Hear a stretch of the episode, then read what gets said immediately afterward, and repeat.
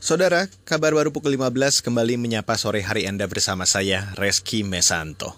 Komisi Pemberantasan Korupsi atau KPK terus mendalami aliran dana dugaan suap dari PT Dirgantara Indonesia terkait proyek pekerjaan pengadaan barang di kementerian dan lembaga. Juru bicara KPK Ali Fikri mengatakan penyidik KPK telah memeriksa Kepala Seksi Sarana dan Prasarana Badan SAR Nasional Suhardi serta Bupati Blora Jawa Tengah Joko Nugroho. Dalam kasus dugaan tindak pidana korupsi kegiatan penjualan dan pemasaran pada PT Dirgantara Indonesia tahun 2007 sampai dengan 2017 yang diduga mengakibatkan kerugian keuangan negara kurang lebih eh, 300 miliar rupiah. Penyidik KPK memeriksa saksi Suhardi dan saksi Joko Nugroho sebagai saksi untuk tersangka eh, BS dan kawan-kawan. Sementara itu, Saudara Bupati Blora Joko Nugroho mengklaim tidak mengetahui kasus kegiatan penjualan dan pemasaran pada PT Dirgantara Indonesia yang sedang diusut KPK.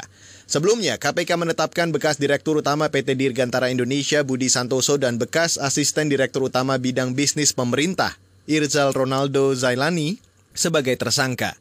KPK menduga Budi dan Irzal serta sejumlah pihak telah melakukan korupsi di PT DI yang merugikan negara sebanyak 300 miliar rupiah lebih.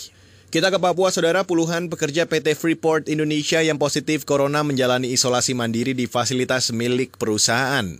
Pejabat komunikasi PT Freeport Indonesia, Johnny Lingga, mengatakan puluhan pekerja itu menjalani isolasi mandiri karena tidak menunjukkan gejala meski positif COVID-19.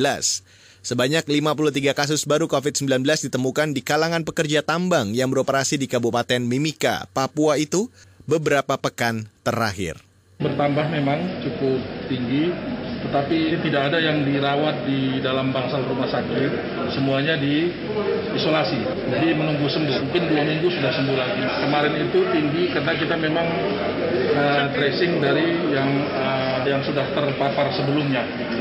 Pejabat komunikasi PT Freeport Indonesia Johnny Lingga mengatakan sejak terjadinya pandemi corona, manajemen perusahaan tambang itu memperketat protokol kesehatan di lingkungan kerja.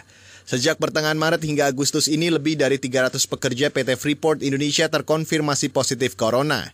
Hingga kini 53 orang masih dalam perawatan, 245 orang sembuh dan 4 lainnya meninggal. Kita ke mancanegara, Presiden Amerika Serikat Donald Trump meyakini vaksin corona dapat segera diproduksi secara massal di negeri Paman Sam.